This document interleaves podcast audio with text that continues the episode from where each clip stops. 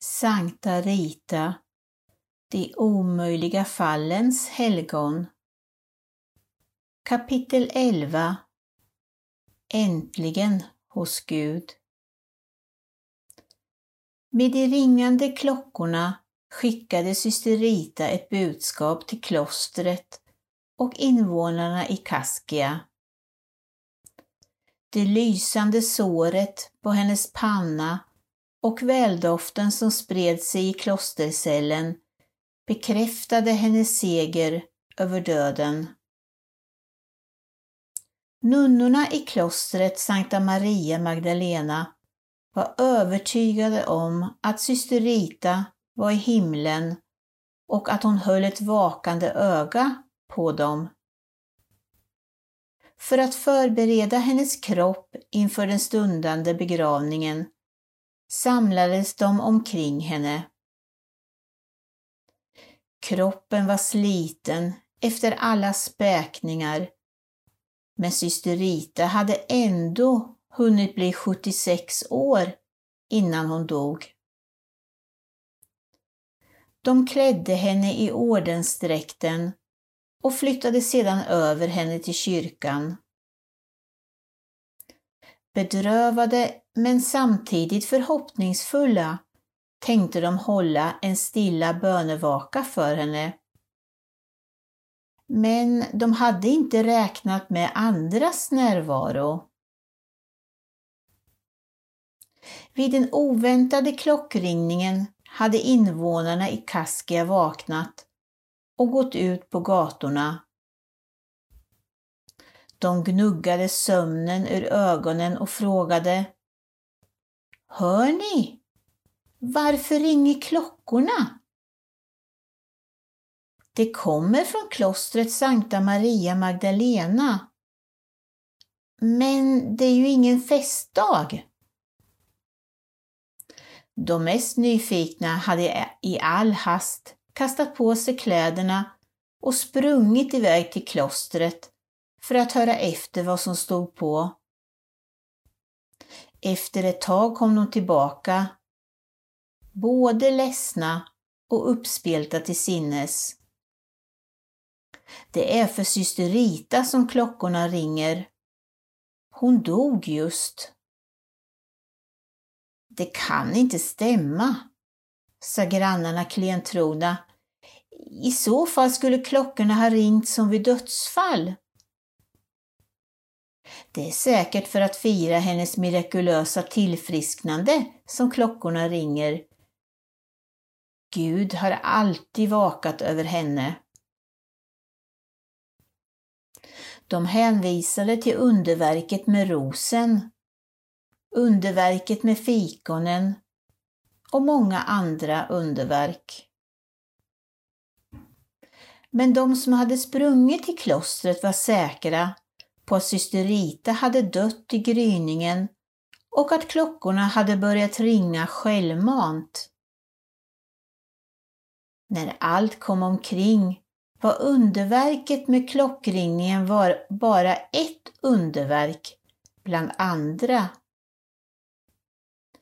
Men allt ifrån den stunden förekom ordet helgon i invånarnas samtal med varandra, så som tidigare i nunnornas.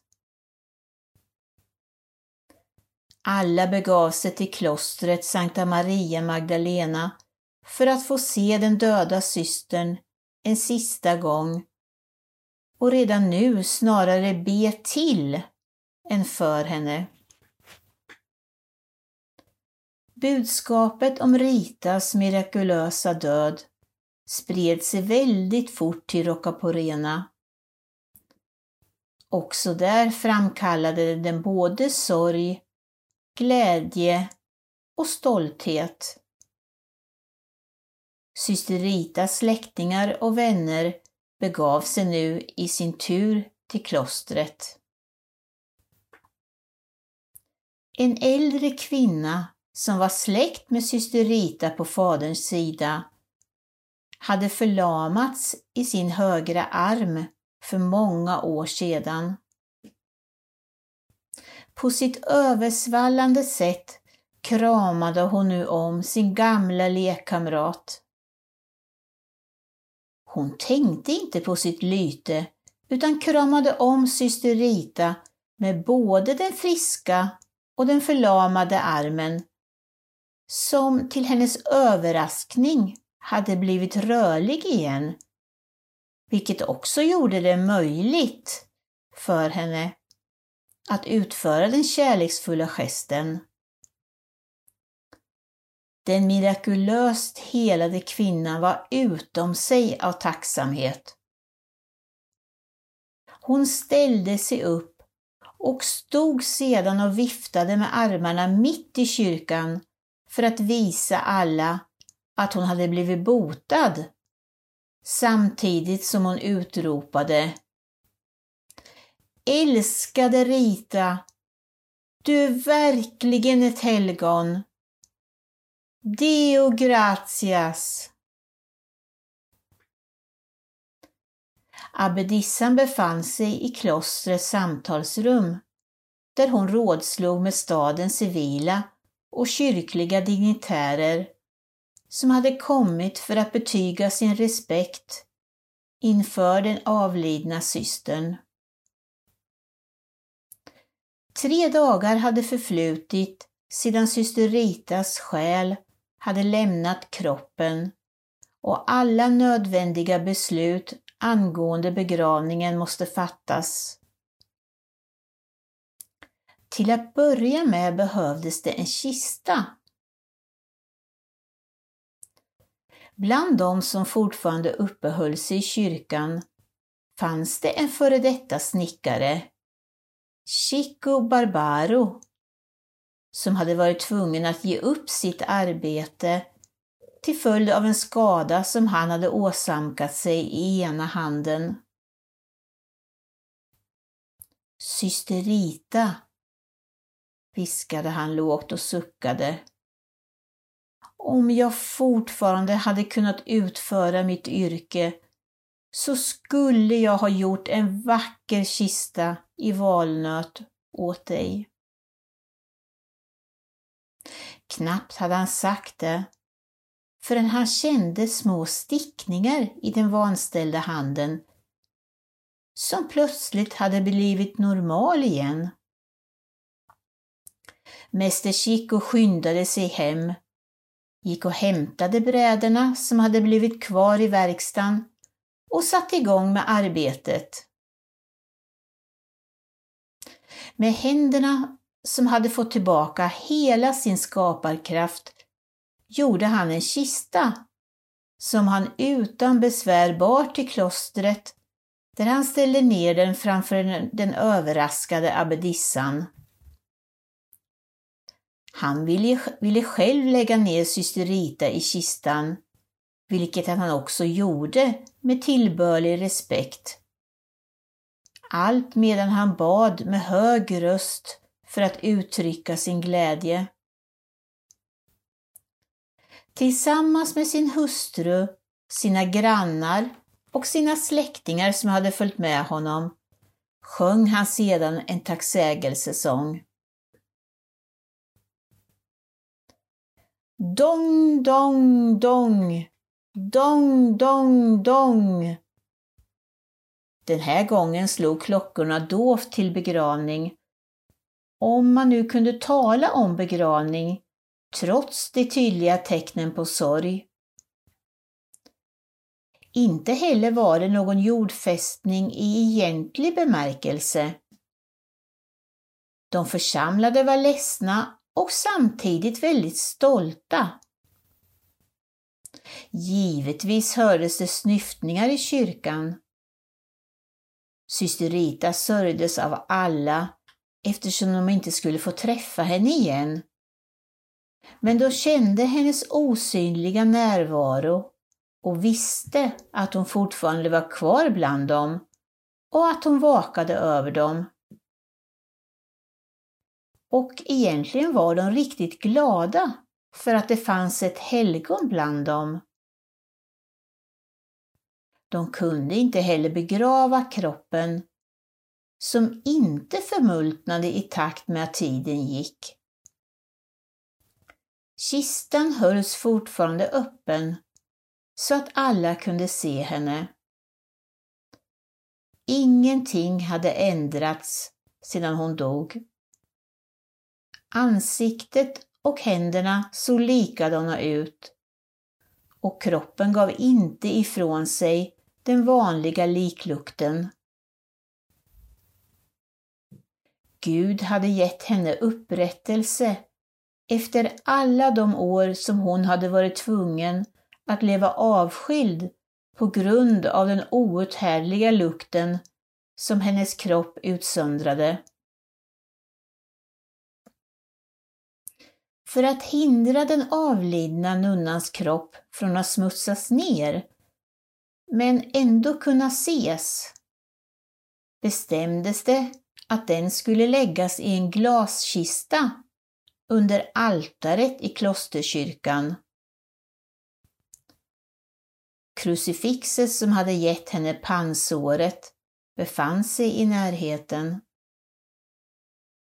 Framför henne som jorden förkastade började en helgonkult som aldrig skulle upphöra. Rika och fattiga från land och stad bad tillsammans om hennes förböner och anförtrodde henne sina bekymmer och sin glädje. Syster Rita, hela mitt barn. Syster Rita, omvänd min man. Någon gång i tiden hade någon sagt Du som så ofta lyckades med omöjliga fall. Ingen vet vem som sa det första gången, men uttrycket myntades, levde vidare genom århundradena och gjorde Sankta Rita känd som de omöjliga fallens helgon.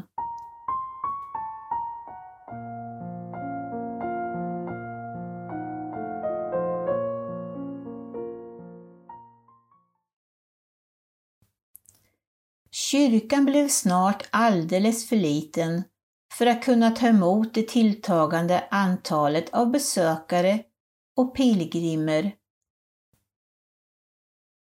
Dessutom kränktes klosterfriden.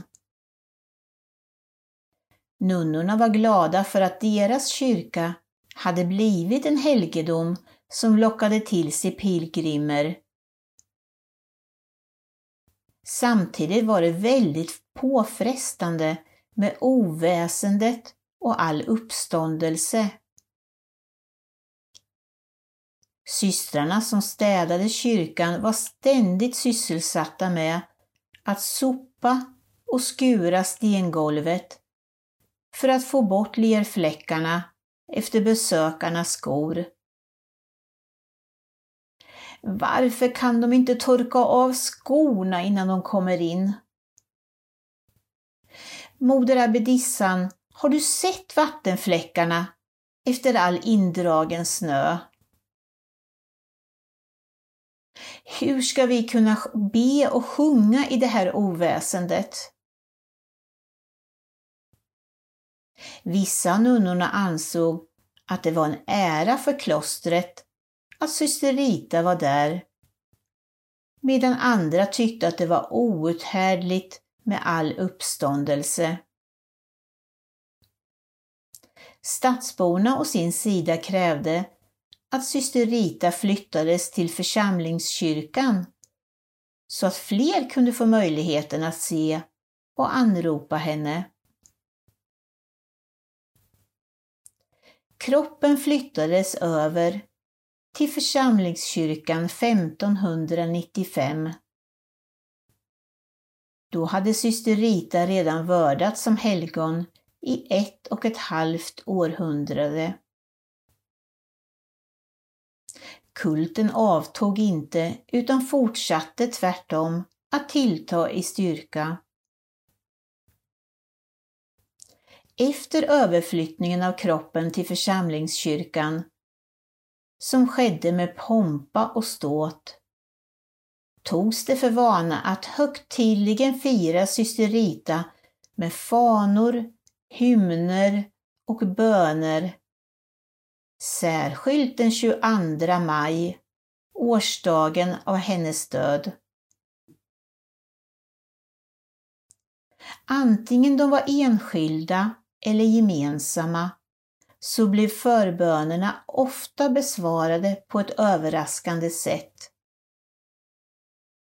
Kristus fann nöje i att bönhöra dem som åkallade honom genom syster Rita, som blev hans brud framför korset.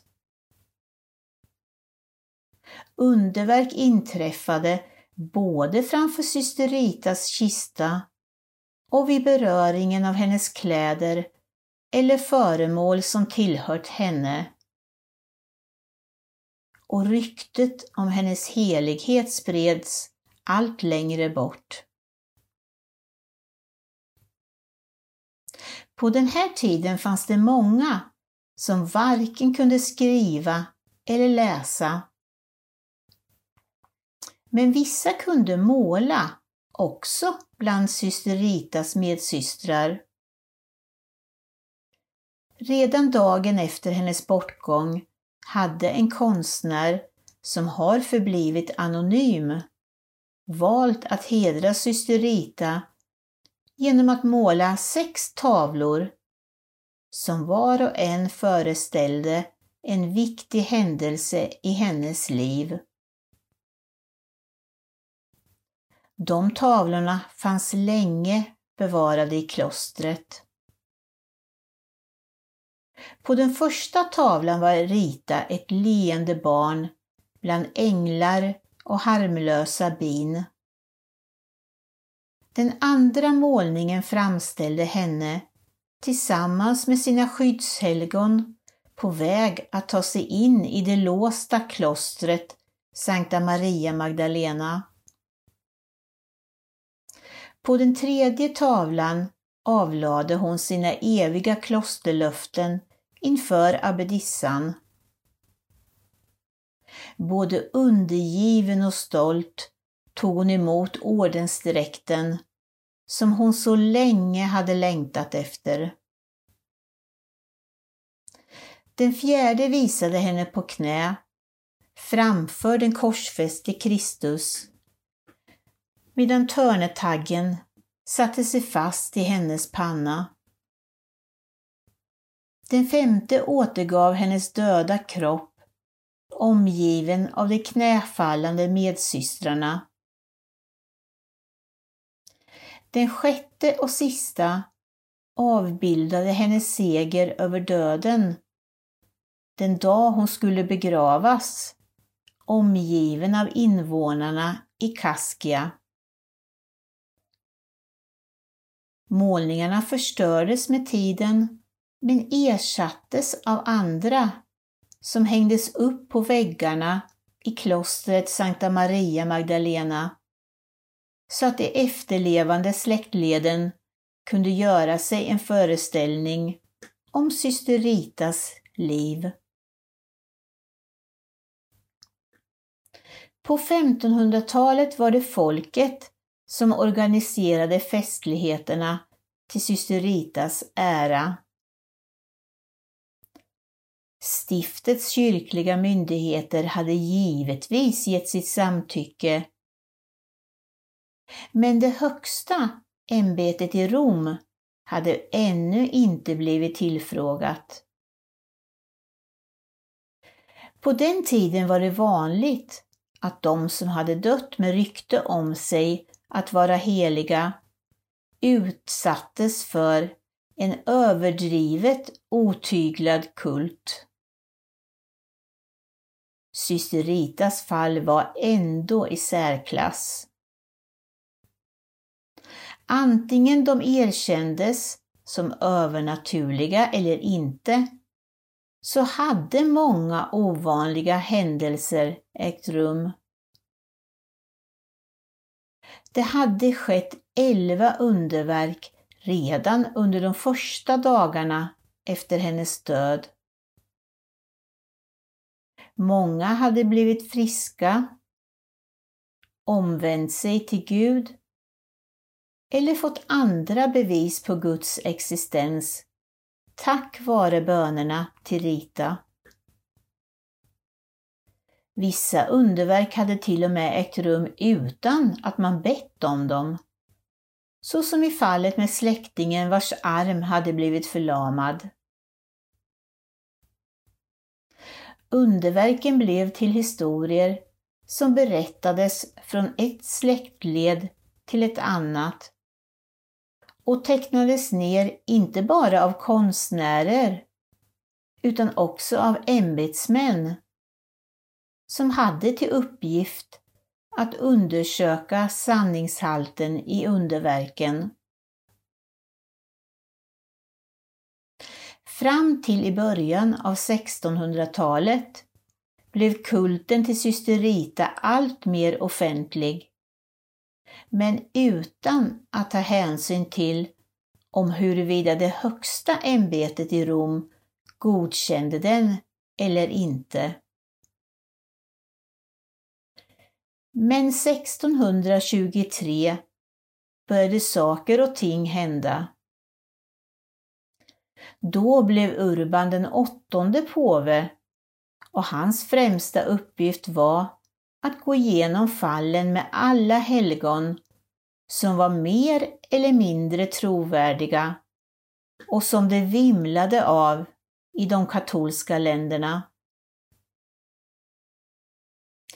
Det gällde inte bara att skilja på sant och falskt och på verkligt och påhittat, utan också mellan fromhet och vidskepelse. Den nye påven införde ett tillvägagångssätt som i lika hög grad såg till att avskaffa missbruk som att klarlägga äkta fall av helighet. Skulle syster Rita finna nåd inför den nogräknade påven